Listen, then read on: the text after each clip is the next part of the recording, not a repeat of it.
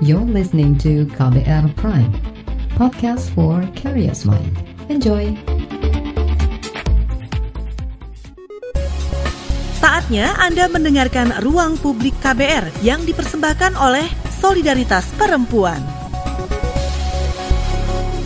Selamat pagi, halo. Kembali lagi kita berjumpa di Ruang Publik KBR. Di hari Senin tanggal 31 Agustus 2020, ada saya Ines Nirmala dan Ruang Publik kali ini dipersembahkan oleh Solidaritas Perempuan dengan tema Dimensi Gender pada Dampak Reklamasi Pesisir di Indonesia.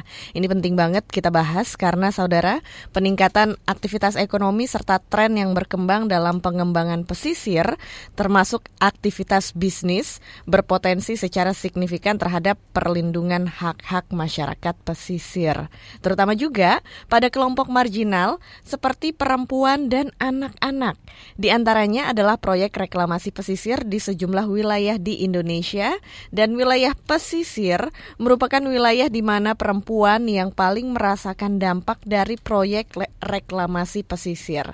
Nah, situasi khusus perempuan tidak pernah diperhitungkan juga dalam proyek ini pekerjaan domestik maupun peran perawatan yang dilakukan oleh perempuan di, tidak terlihat sebagai peran produktif dan signifikan sehingga suara perempuan menjadi tidak diperhitungkan.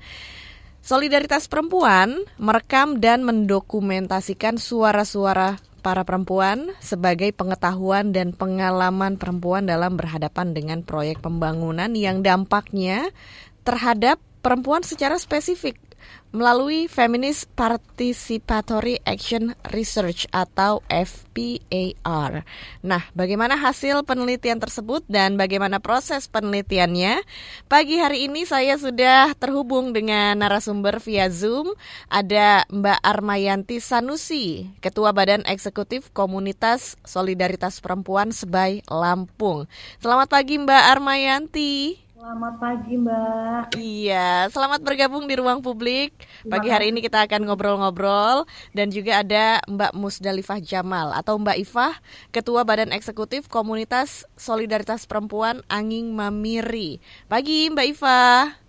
Selamat pagi Mbak. Iya, selamat datang di ruang publik dan juga kita bersama Ariska Kurniawati, Koordinator Program Badan Eksekutif Nasional Solidaritas Perempuan. Halo Mbak Ariska. Hai Mbak Ines, selamat pagi semuanya. Hai, senang sekali sudah bergabung pagi hari ini di ruang publik. Mbak Ariska, mungkin bisa dijelaskan dulu nih ya, apa itu solidaritas perempuan? Oke, baik. Uh, selamat pagi semua. Uh, saya mewakili Solidaritas Perempuan. Jadi Solidaritas Perempuan itu adalah organisasi yang memang uh, fokus dan banyak bekerja dengan uh, perempuan akar rumput. Kita fokus pada hak-hak perempuan, berdiri sejak tahun 1990 Uh, dan memang uh, kita punya 12 komunitas di seluruh Indonesia termasuk di antaranya ada komunitas SP Angin Mamiri yang diwakili IFA, kemudian ada komunitas SP Sebay Lampung yang hari ini Karma juga bergabung, uh, juga ada SP Kendari dan SP Jabotabek Jakarta Bogor Tangerang Bekasi yang memang keempat wilayah itu uh, melakukan FPAR yang tadi disampaikan oleh Mbak Ines. Iya. Pasti punya banyak kegiatan ya solidaritas perempuan dan sekarang kita fokus membahas seputar dampak dari reklamasi pesisir di Indonesia. Dan ini juga kita lihat dari perspektif gender. Nah, Mbak Ariska mungkin bisa diinformasikan juga kenapa perspektif gender itu penting terutama dalam hal reklamasi pesisir. Bagaimana, Mbak? Oke. Jadi uh, masyarakat pesisir itu kan adalah masyarakat yang unik sebetulnya ada pembagian peran antara perempuan dan laki-laki di mana perempuan memang lebih banyak uh, melakukan aktivitas di wilayah pesisir, sedangkan laki-laki itu banyak melakukan aktivitas penangkapan laut di tengah laut. Walaupun kita juga uh, menemukan fakta bahwa ada juga perempuan yang memang uh, pergi melaut ke tengah laut, tapi sebagian besar perempuan memang aktivitasnya itu di wilayah pesisir. Nah, persoalannya adalah ketika ada aktivitas pembangunan yang menyasar pesisir, perempuan itu tidak dilihat sebagai satu kelompok yang penting untuk didengarkan apa pendapatnya, apa kepentingannya, dan apa kebutuhannya. begitu. Uh, hal ini karena memang uh, perempuan kita juga tahu bagaimana Undang-Undang Nomor 1 tahun 1974 uh, secara tegas menyatakan bahwa laki-laki itu adalah uh, kepala keluarga. Sehingga ketika perempuan beraktivitas maka itu hanya dilihat sebagai uh, untuk membantu atau uh, menyokong kegiatan uh, yang dilakukan oleh laki-laki begitu. Padahal sebenarnya kalau kita lihat uh, bagaimana perempuan itu pekerjaannya dari mulai bangun uh, dini hari begitu sampai malam hari itu nggak lepas dari aktivitas yang terkait dengan pengelolaan perikanan juga gitu. Karena mereka dilihat sebagai penyokong gitu, artinya tidak dilihat sebagai aktor utama, maka peran-perannya itu dilihat sebagai bukan peran yang produktif atau peran yang secara spesifik, secara khusus uh, menghasilkan secara ekonomi gitu. Peran perawatan pun tidak dilihat sebagai peran produktif. Akhirnya ketika ada proses-proses uh, konsultasi publik, perempuan itu tidak dilibatkan. Uh, kemudian kalau kita lihat kajian lingkungan hidup strategis, begitu tidak pernah ada analisis dampak yang spesifik melihat bagaimana jika satu proyek itu dilakukan akan menimbulkan uh, dampak yang berbeda ataupun dampak yang berlapis terhadap perempuan seperti itu. Oke, jadi uh, solidaritas perempuan ini juga fokus ya untuk membantu perempuan ikut berpartisipasi dalam mengambil keputusan yang ini juga uh, nanti keputusannya bisa lebih mendukung, mensupport wanita-wanita juga ya Mbak ya. Iya. Nah, Betul. Nah, sekarang kita ke Mbak Musdalifah, Ketua Badan Eksekutif Komunitas SP Angin Mamiri. Mbak Ifah, Mbak bisa diceritain nih gimana kondisi masyarakat pesisir di Sulawesi Selatan sana ya? Komunitas SP Angin Mamiri kan ada ada di Sulawesi Selatan. Mbak Iva juga ada di Makassar. Bisa diceritain nih Mbak, gimana kondisi masyarakat pesisir di sana dan apa peran SP juga untuk membantu masyarakat pesisir? Ya, uh, baik. Terima kasih Mbak dan selamat pagi untuk kawan-kawan semua, uh, para pendengar setia KBR di mana pun Anda berada. Untuk situasi di Sulawesi Selatan, khususnya di Kota Makassar, kami punya uh, tiga uh, wilayah yang kami uh, fokus melakukan pengorganisasian dan juga merupakan wilayah uh, penelitian partisipatif uh, perempuan ataupun uh, Feminist Participatory Action Research. Uh, di antaranya ada di Kelurahan Talo, ada di Kelurahan Buloa, dan juga ada di Kelurahan uh, Cambaya. Nah, tiga kelurahan ini merupakan uh, apa wilayah yang terdampak langsung uh, akibat adanya proyek pembangunan pelabuhan Makassar Newport Mm-hmm. Nah, beberapa temuan-temuan yang uh, ditemui oleh uh, kawan-kawan tim peneliti uh, EPAR sejak tahun 2019 di bulan April sampai hari ini bahwa masyarakat di sana pembangunan pelabuhan NMP ini dibangun di atas wilayah kelola um, nelayan tradisional khususnya perempuan pesisir yang mencari kerang uh, apa kanjapang dan juga tirang. Nah, uh, dua jenis ini kanjapan dan tirang merupakan uh, apa jenis hampir sama dengan jenis jenis kerang. Nah, tahun 2017 proyek ini mulai mulai membangun sebuah tanggul tanpa ada proses sosialisasi yang diterima oleh masyarakat yang notabene-nya di mana pemerintah maupun pengusaha itu harus uh, melakukan sosialisasi atau setidaknya ada informasi yang disampaikan kepada masyarakat bahwa wilayah kelolanya akan uh, dibanguni oleh pelabuhan uh, Makassar Newport. Nah, selain itu bahwa pelabuhan yang dibangun oleh pemerintah dan juga PT Pelindo 4 yang merupakan pelaksana proyek ini masuk uh, dalam uh, strategi nasional yang tertuang juga dalam uh, surat presiden tahun 2016. Nah, situasi teman-teman di sana uh, uh, ada ada uh, empat temuan temuan kami di dalam uh, secara umum temuan kami di dalam uh, FPAR ini di uh, apa ada 36 36 perempuan yang diwawancarai oleh kawan-kawan dan secara umum uh, kami menemukan fakta bahwa uh, ketika reklamasi pantai ataupun pembangunan pelabuhan MMP ini ada, pertama situasi masyarakat di sana uh, akses terhadap uh, lautnya itu semakin uh, semakin berkurang ataupun hilang. Kenapa? Karena proyek itu dibangun di atas ruang kelola perempuan, perempuan pesisir, sehingga uh, secara tidak langsung mereka digusur digusur ataupun kedaulatan atas uh, hak atas pangannya, sumber pangannya itu di, dirampas oleh uh, perusahaan dan juga pemerintah. Nah, yang kedua kami menemukan fakta bahwa adanya pelanggaran hak atas ekonomi di mana temuan yang di uh, apa yang ditemui oleh kawan-kawan tim peneliti bahwa beberapa yang diwawancarai oleh kawan-kawan mengatakan bahwa sebelum adanya proyek MMP, penghasilan yang didapatkan oleh perempuan pesisir uh, setiap harinya itu 300 sampai 400 ribu per hari. Nah, pasca adanya pembangunan ini, proyek uh, pembangunan pelabuhan Makassar Newport, kemudian perempuan hari ini itu hanya mendapatkan 50 ribu per hari. Jadi kita uh, kita melihat bahwa ada uh, apa ada uh, situasi pelanggaran hak ekonomi yang dilakukan karena memang ketika laut itu ditimbun maka apa ekosistem ataupun biota-biota laut itu sudah sudah mati dan sudah teman-teman perempuan pesisir sudah sangat kesulitan untuk menemukan kerang ataupun kanjapan dan juga tirang. Nah, yang ketiga bahwa ada situasi di masyarakat uh, di mana masyarakat masyarakat uh, yang menjadi wilayah penelitian FPAR ini uh, diperhadapkan dengan konflik horizontal antara masyarakat yang pro dan juga masyarakat yang kontra.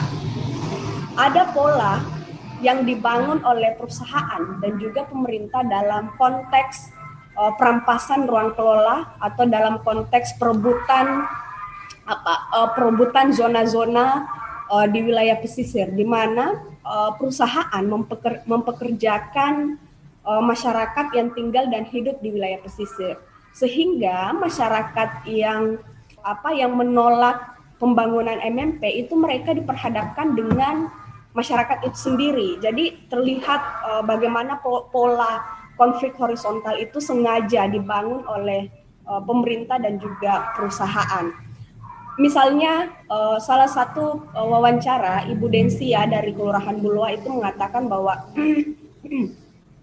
uh, beberapa masyarakat di Kelurahan Bulwa itu sudah sempat ditawari uang 15 juta tetapi dengan syarat bahwa mereka harus direlokasi. Mm-hmm. Nah, relokasi ini juga tidak jelas mereka ditempatkan di mana dan juga tentunya mereka menolak. Kenapa? Mereka sudah sejak turun temurun tinggal di kelurahan tersebut. Mereka sejak turun temurun itu me, me, me, apa, menjadikan laut laut itu sebagai uh, sumber pangan, sumber ekonomi dan juga sumber penghidupan. Nah terakhir uh, bahwa situasi yang ditemukan ada uh, apa? Ada situasi yang berbeda ataupun situasi yang berlapis yang dihadapi oleh perempuan pesisir Misalnya bahwa hari ini perempuan itu tidak hanya memikirkan bagaimana proyek ini uh, apa proyek ini tidak lagi merampas ruang kelola yang masih ada, tidak lagi di, uh, membangun atau tidak ada lagi penambahan ruang kelola dibangun. Tetapi perempuan hari ini juga memik, uh, apa juga masih uh, ber, diperhadapkan dengan konstruksi sosial di mana pemerintah dan juga masyarakat itu belum mengakui identitas politik perempuan sebagai nelayan. Sehingga situasi ini juga berdampak pada perempuan, khususnya mereka yang menggantungkan hidupnya di laut. Kenapa kita melihat ini? Karena ini berdampak misalnya ada uh, apa? Ada uh, pembagian atau program dari Dinas Kelautan dan Perikanan. Nah, uh, pembagian perahu misalnya itu hanya diperuntukkan untuk laki-laki. Kenapa? Karena memang perempuan meskipun di setiap harinya mereka beraktivitas di laut, tetapi mereka tidak diakui sebagai nelayan. Iya, Mbak. Jadi Mbak. memang ini yang ditemui oleh SP Anging Mamiri memang masalah yang berlapis ya untuk ya. wanita dan yang juga sebagai masyarakat pesisir di daerah Makassar sana. Dan ya. kita akan lanjutkan lagi ngobrol-ngobrol di ruang publik seputar dimensi gender pada dampak reklamasi pesisir di Indonesia. Tapi sekarang ini kita jeda dulu sejenak. Kita kembali setelah yang satu ini. Masih Anda dengarkan Ruang Publik KBR yang dipersembahkan Solidaritas Perempuan. Ya, masih bersama saya Ines Nirmala dan juga bersama narasumber kita yang terhubung lewat Zoom ada Ariska Kurniawati, Koordinator Program Badan Eksekutif Nasional Solidaritas Perempuan dan juga ada Mbak Ifah, Ketua Badan Eksekutif Komunitas SP Anging Mamiri dan Mbak Armayanti Sanusi, Ketua Badan Eksekutif Komunitas SP Sebai Lampung. Dan kita pagi hari ini masih membahas tema dimensi gender pada dampak reklamasi pesisir di Indonesia dan tadi kita juga sudah uh, mendengarkan Mbak Ifah membicarakan bagaimana temuan dan juga isu-isu yang berkembang di masyarakat di daerah Sulawesi Selatan, temuan dari komunitas SP Anging Mamiri. Nah, sekarang kita ke Mbak Arma nih yang berasal dari komunitas SP Sebai Lampung. Mbak Arma, bisa diceritakan nih Mbak, bagaimana sih uh, kondisi masyarakat pesisir di daerah Sebai Lampung? Apakah juga ada sebuah temuan menarik terhadap masyarakat pesisir di sana Mbak? Silahkan. Iya, jadi kalau kita lihat situasi perempuan pesisir di Lampung, tentunya memang uh, secara data 40% mereka terlibat pada sektor uh, perikanan dan juga pelaut kelautan. Dalam hal ini mereka memasarkan ikan tentunya. Itu yang lebih besar. Nah, ketika memang proyek reklamasi datang di tahun 2003, 2003 yang juga masuk dalam wilayah strategis nasional, terutama pada industri dan pelabuhan, Nah ini kemudian uh, menciptakan sebuah dampak yang sangat-sangat signifikan. Dari hasil apa uh, riset kita kemarin, kami memang me, melakukan dua di, di dua wilayah yang wilayah pengorganisasian. Yang pertama di Teluk Boni Cungkeng dan kedua itu ada di uh, Desa Sukaraja, wilayah pesisir Sukaraja. Namun untuk wilayah penelitian sendiri kami uh, mengambil di wilayah uh, Sukaraja yang memang 40% perempuannya terlibat pada sektor uh, apa perikanan dan juga uh, pada sektor kelautan dan perikanan. Nah, situasi yang mereka alami hari ini tentunya tidak jauh berbeda seperti apa yang tadi disampaikan oleh IPA yang ada di, di Makassar, karena memang ini secara uh, situasi ini tentunya secara struktural di, uh, dialami oleh perempuan-perempuan di wilayah pesisir. Ada beberapa konteks sebenarnya di Lampung yang memang ini menjadi perhatian khusus uh, pada pada tahapan uh, riset kami dan juga memang ini ini menjadi sebuah hal yang memang harus harus menjadi apa tantangan ke depan oleh solidaritas perempuan sebagai Lampung untuk menjawab persoalan-persoalan bersama perempuan di akar rumput. Yang pertama, kami ingin menyatakan bahwa situasi situasi di sana adalah penghancuran ruang kelola oleh oleh uh, dampak dari reklamasi yang di, di, di, dilakukan tahun 2003.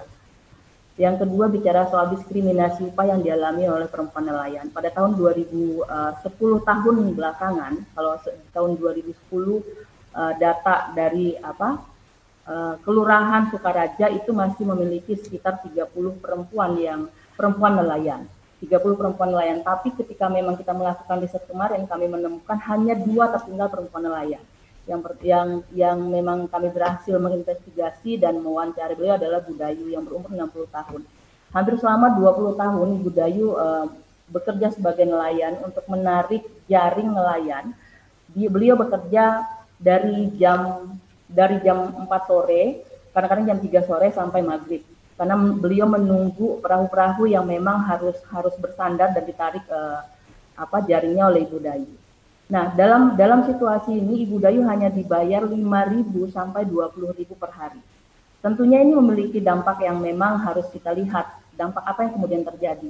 Memang ha, apa penghasilan Ibu Ibu Dayu sangat ditentukan oleh pendapatan nelayan sendiri. Sedangkan pendapatan nelayan hari ini ini tidak tidak tidak mencukupi biaya operasional nelayan nelayan perempuan dan nelayan laki-laki sangat mengeluhkan bicara soal bahwa ikan hari ini sudah tidak tidak mencukupi lagi seperti waktu-waktu misalnya 10 tahun belakangan.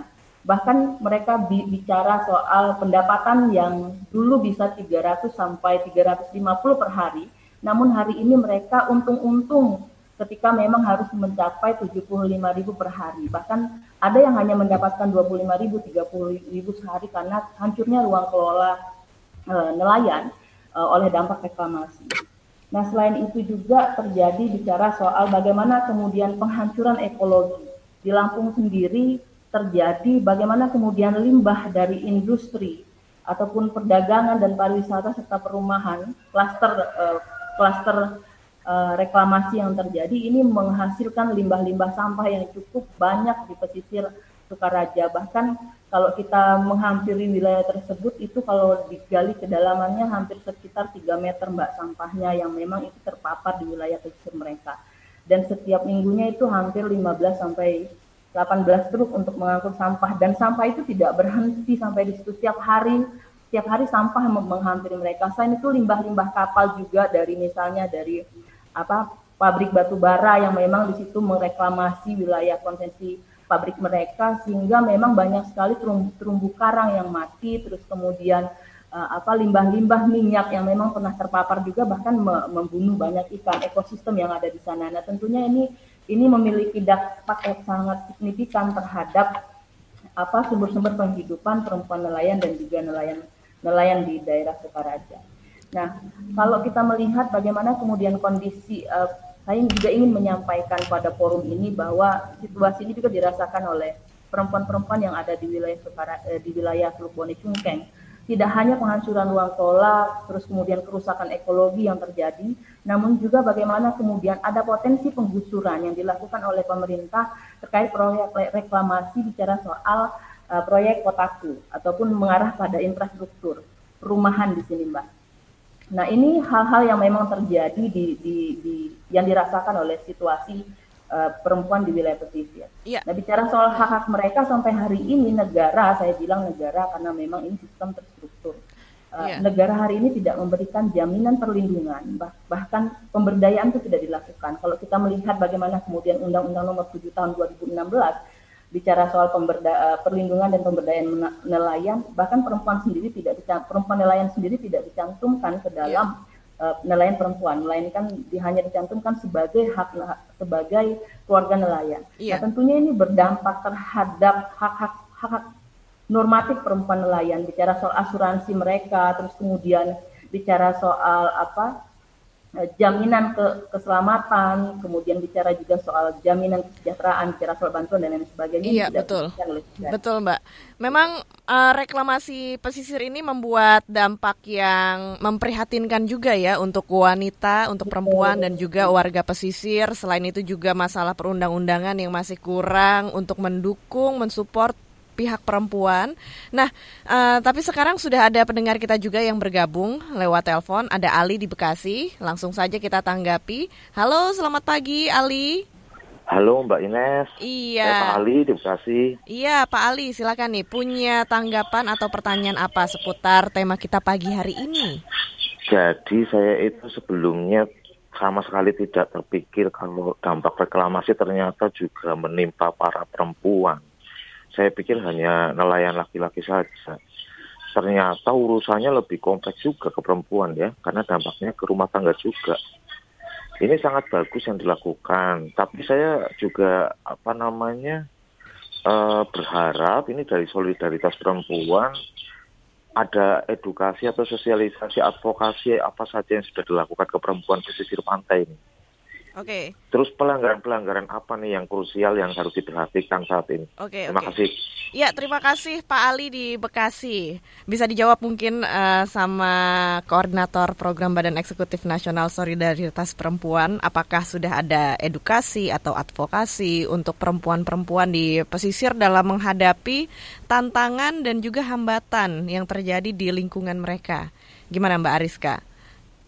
Oke, uh, terima kasih Pak Ali untuk pertanyaannya. Uh, jadi memang uh, metode yang dipilih oleh SP dalam melakukan penelitian ini adalah Feminist Participatory Action Research. Jadi riset ini bukan cuma sekedar riset uh, penggalian data atau melakukan wawancara dan lain sebagainya, tapi dalam riset ini kita juga melakukan penguatan terhadap perempuan karena biasanya uh, eh, SP sendiri dalam pengalamannya bekerja bersama dengan perempuan akar rumput dalam satu dua kali pertemuan uh, mungkin perempuan tidak perempuan sendiri tidak bisa mengenali bahwa itu adalah situasi pelanggaran hak yang dia alami.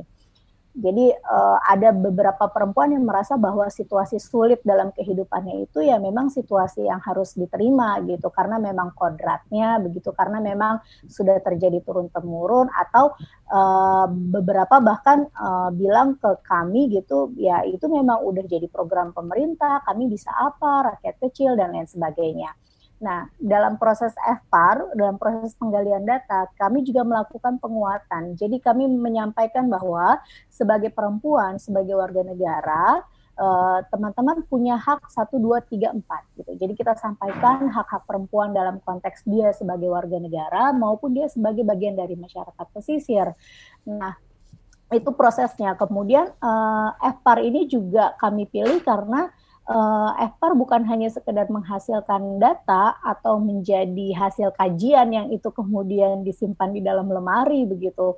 Tidak seperti itu, tapi hasil penelitian ini memang akan uh, menjadi sebuah dokumen atau menjadi sebuah uh, desakan yang disampaikan oleh perempuan itu sendiri kepada pemerintah ataupun orang-orang yang uh, punya kewenangan ataupun punya tanggung jawab untuk uh, mengambil kebijakan. Jadi seperti itu. Memang prosesnya sangat uh, sangat integral begitu ya, sangat sangat sangat sistemik gitu. Karena memang yang mau kita mau kita ubah itu adalah ya perubahan sistemnya begitu. Nah kalau terkait hak itu sebenarnya banyak banyak sekali ya. Misalnya bagaimana kemudian perempuan itu seharusnya dan dijamin oleh SIDAU punya hak untuk berpartisipasi terhadap pembangunan, tapi bagaimana mereka bisa berpartisipasi kalau mereka sendiri tidak pernah diperhitungkan situasinya, mereka sendiri tidak pernah diajak dalam proses konsultasi publik, kemudian dalam proses uh, apa namanya ada pelanggaran hak uh, atas lingkungan yang sehat karena tadi Iva juga menyampaikan di Makassar gitu uh, dan di banyak tempat kita temukan memang ketika terjadi pengurukan pasir di wilayah pesisir itu pasti terjadi proses sedimentasi dan ketika terjadi proses sedimentasi maka ya kerusakan lingkungan yang terjadi. Tidak hanya hasil tangkap nelayan yang kemudian berkurang begitu tapi juga ada ada kerusakan-kerusakan lingkungan ada pencemaran yang memang selama ini masyarakat uh, pesisir itu tinggal di wilayah itu gitu. Kita akan kembali lagi ke ruang publik KBR setelah jeda yang berikut ini. Masih Anda dengarkan Ruang Publik KBR yang dipersembahkan Solidaritas Perempuan. Pagi hari ini kita masih membahas tema dimensi gender pada dampak reklamasi pesisir di Indonesia bersama saya Ines Nirmala dan juga teman-teman dari Solidaritas Perempuan ada Mbak Ariska Kurniawati, Koordinator Program Badan Eksekutif Nasional, kemudian Mbak Ifah, Ketua Badan Eksekutif Komunitas SP Anging Mamiri dan Armayanti Sanusi, Ketua Badan Eksekutif Komunitas SP Sebai Lampung. Nah tadi juga sudah dijelaskan oleh Mbak Ariska bahwa untuk sebagai bentuk advokasi dan juga edukasi es, uh, solidaritas perempuan ini memiliki uh, sebuah riset yang namanya Feminist Participatory Action Research yang gunanya ini juga sebagai nantinya desakan terhadap pemerintah dan juga pemangku wewenang, pemangku kekuasaan untuk memberikan keputusan ataupun undang-undang yang lebih adil gender. Sekarang uh, juga ada pertanyaan lagi nih dari Ali di Bekasi tadi yang uh, bertanya pelanggaran apa saja yang harus diperhatikan oleh masyarakat pesisir nih terutama untuk wanita. Seperti apa Mbak Ariska? Jadi seperti tadi saya juga sudah uh, ungkapkan sekilas, memang uh, pertama ada pelanggaran terkait dengan hak perempuan dalam berpartisipasi pada proses-proses pembangunan. Jadi ketika tadi Iva juga sampaikan perempuan tidak diakui identitas politiknya sebagai nelayan, maka dia akan terkecualikan dari semua program maupun dari semua desain pembangunan yang dilakukan oleh pemerintah. Kedua, memang ada pelanggaran hak terkait dengan hak atas uh, lingkungan, bagaimana dampak reklamasi itu kemudian berimbas pada rusaknya uh, lingkungan pesisir maupun terhadap uh, terjadinya pencemaran di wilayah pesisir. Di SPAM sendiri di wilayah Makassar kita juga menemukan terjadinya uh, pelanggaran hak atas pendidikan anak begitu. Karena memang ketika penghasilan nelayan itu menurun karena terjadi penurunan hasil tangkap dan berimplikasi kepada ekonomi rumah tangga nelayan pada akhirnya mereka tidak sanggup lagi untuk bisa menyekolahkan anak-anaknya. Beberapa kasus bahkan kami temukan ada yang terjerat hutang begitu karena memang perlu untuk uh, baik kebutuhan untuk menangkap ikan selanjutnya maupun untuk kebutuhannya mereka sehari-hari yang mana itu tidak pernah terjadi ketika reklamasi itu belum uh, dilakukan di wilayah uh, Makassar. Kemudian uh, kita juga tahu di Jakarta misalnya bagaimana uh, perempuan pengupas kerang itu terpaksa harus memanen kerang hijaunya lebih cepat dengan ukuran yang jauh lebih kecil sehingga ketika mengupas tuh banyak banyak yang mengalami luka gitu kan karena kerangnya terlalu kecil. Tapi mereka nggak punya pilihan lain karena kalau nggak dipanen segera ya mereka nggak punya penghasilan tidak ada pekerjaan. Dan banyak di antara mereka yang juga akhirnya harus cari pekerjaan lain untuk menambah penghasilan uh, keluarganya seperti itu. Iya, dan memang ini dampak dari reklamasi juga luas sekali ya dalam tatanan ekonomi ataupun juga menyebabkan konflik uh, dalam masyarakat itu sendiri. Dan ada pendengar kita yang sudah bergabung lewat WhatsApp Adik di Pangandaran. Katanya hidup serba susah, nelayan makin sengsara akibat reklamasi di mana-mana. Ada juga Maya dari Manado yang uh, punya pertanyaan selama melakukan penelitian bisa diceritakan dong suka dukanya dan mengapa bisa tertarik untuk ikut dalam komunitas SP. Mungkin Mbak Iva dari komunitas SP Angin Mamiri bisa menjelaskan nih Mbak apa aja suka dukanya dalam uh, riset dan juga apa yang membuat tertarik ikut komunitas SP. Iya, uh, kalau bicara soal suka duka, uh, apa ya? Uh, beberapa kali uh, kami melakukan wawancara, teman-teman perempuan itu sering kali didominasi uh, uh, apa oleh suaminya. Nah, hal ini juga memang uh, tidak terlepas bagaimana uh, konstruksi sosial yang masih uh, juga menempatkan perempuan uh, sebagai kelas nomor dua apa yang disampaikan oleh perempuan itu menjadi uh, sesuatu yang yang tidak penting untuk didengar. Nah, uh, apa uh, selain itu memang uh, kami juga melihat bahwa uh, reklamasi pantai ini tidak hanya uh, apa uh, berdampak pada situasi perempuan tetapi anak. Di mana temuan-temuan yang dilakukan oleh teman-teman juga uh, ada fakta bahwa uh, perkawinan di usia dini itu juga menjadi salah satu upaya yang dilakukan oleh orang tua dengan uh, apa dengan melihat bahwa ketika mengawinkan uh, menikahkan anak perempuannya itu secara tidak langsung dia tidak lagi membiayai membiayai uh, untuk kebutuhan sehari-harinya tetapi uh, apa ada suaminya yang yang apa yang menanggung biaya biaya hidup uh, si si perempuan ini. Nah, di di sisi lain bahwa ada uh, pola komunikasi ataupun bahasa yang juga menjadi uh, apa yang juga menjadi uh, tantangan.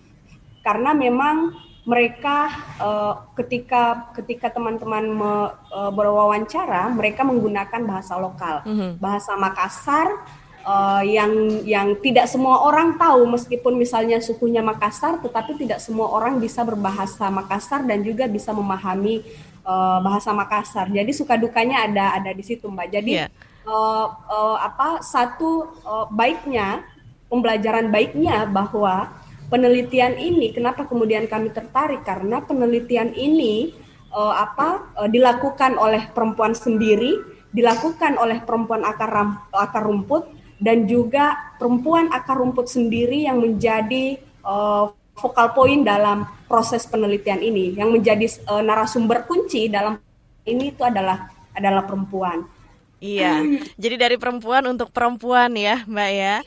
Nah, sekarang ada juga pendengar kita yang bergabung lewat YouTube Randy Siregar yang berkomentar jika dilihat banyak sekali perempuan pesisir yang menjadi korban reklamasi. Seperti di Jakarta yang biasanya membantu suami menjual kerang hijau. Nah sekarang harus menganggur dan sebagian jadi pengepul barang plastik. Belum lagi daratan mereka tergenang karena rob. Ini jadi ironi juga ya. Dan uh, kita ke Mbak Arma nih dari komunitas SP Sebai Lampung. Mungkin bisa diceritakan Mbak uh, bagaimana perjuangan para wanita-wanita di pesisir sana, bagaimana juga hal-hal menarik yang dilakukan wanita pesisir dalam uh, kehidupan mereka sekarang ini karena adanya reklamasi.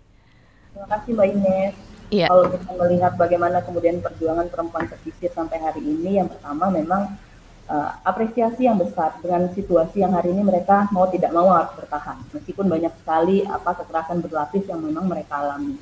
Karena memang budaya patriarki di Lampung masih sangat kental. Beban ganda dan kemudian keterbatasan informasi dan pendidikan juga menjadikan mereka uh, dalam situasi yang memang tidak tidak mampu menyadari bahwa ada situasi kekerasan ataupun pelanggaran hak yang memang mereka alami oleh dampak reklamasi.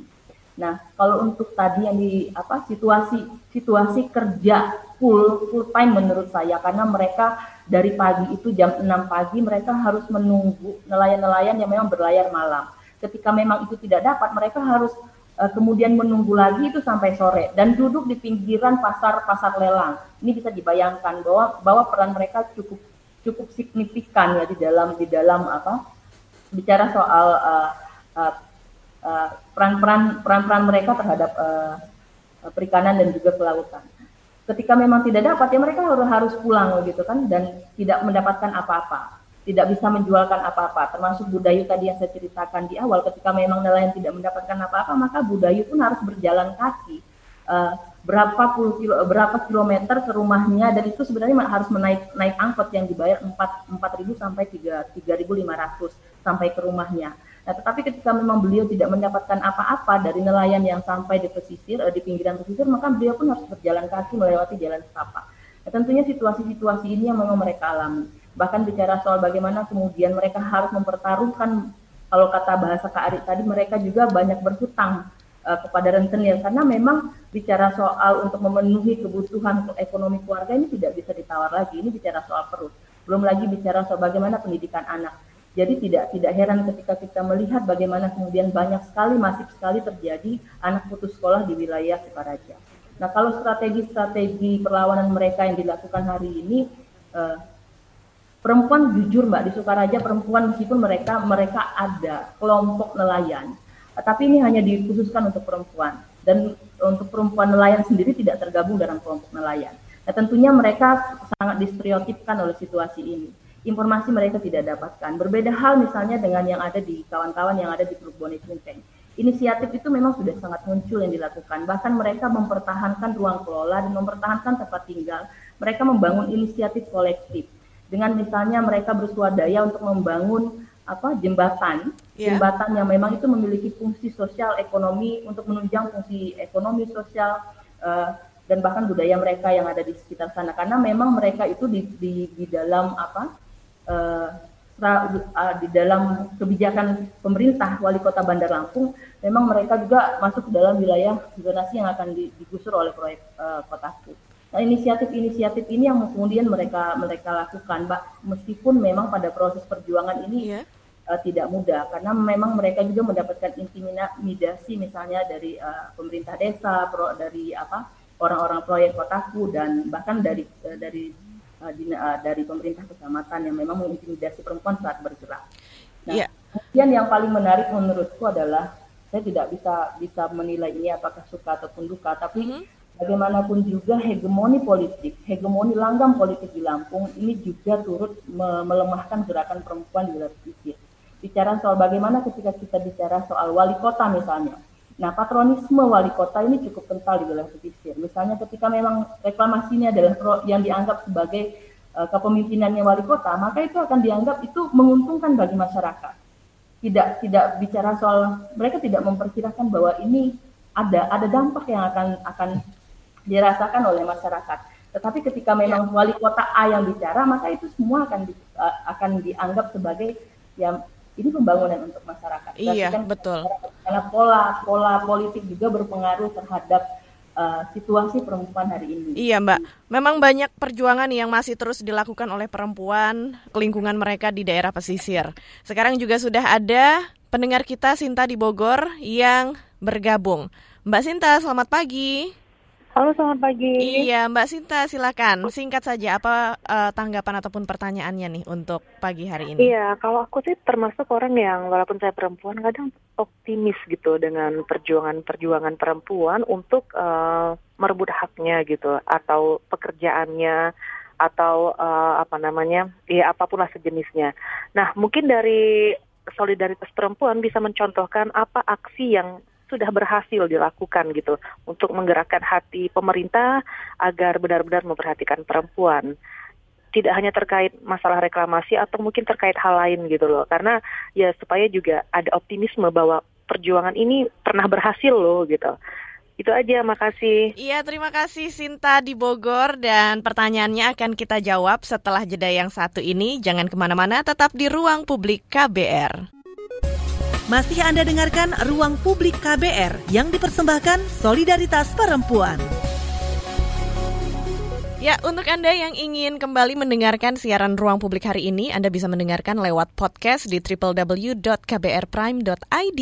Pilih ruang publik. Dan saya juga masih bersama narasumber yang cantik-cantik dari Solidaritas Perempuan yang membahas tema hari ini, dimensi gender pada dampak reklamasi pesisir di Indonesia. Tadi juga sudah ada pendengar kita yang bergabung lewat telepon Sinta di Bogor yang uh, bertanya nih, aksi apa yang sudah berhasil dilakukan solidaritas perempuan dalam menggerakkan perintah uh, meng, dalam menggerakkan pemerintah ya dalam mengeluarkan aturan atau regulasi yang mungkin ini juga bisa menjadi optimisme bagi kita sesama perempuan. Bagaimana nih Mbak Ariska?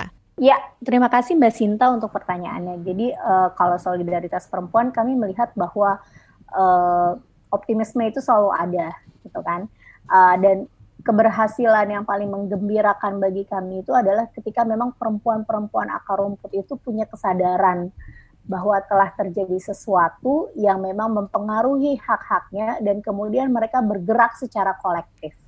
Gitu. Jadi kita lihat bagaimana banyak perempuan yang ketika pada awal-awal diskusi datang uh, nggak berani bicara begitu kemudian uh, beberapa saat setelah berinteraksi dengan SP terlibat dalam kegiatan-kegiatan solidaritas perempuan dia bisa menyampaikan situasinya di gedung DPRD misalnya di hadapan uh, para anggota-anggota legislatif atau misalnya dia dia bisa bicara uh, di radio menyampaikan memang uh, ada situasinya dia yang uh, perlu menjadi perhatian bagi pemangku kepentingan. Kemudian kalau misalnya dilihat dari keberhasilan, memang uh, ini masih satu hal yang sangat menantang karena uh, banyak orang yang bisa dengan fasinya bicara soal hak-hak perempuan ketika memang uh, terkait dengan uh, kekerasan seksual misalnya atau kekerasan dalam rumah tangga. Tapi dalam konteks kebijakan negara ada kegagapan ketika kita bicara soal perempuan dengan sumber daya alam atau perempuan dengan ekonomi, perempuan dengan kelautan dan pesisir. Itu ada gap yang sebenarnya masih sangat kita perjuangkan.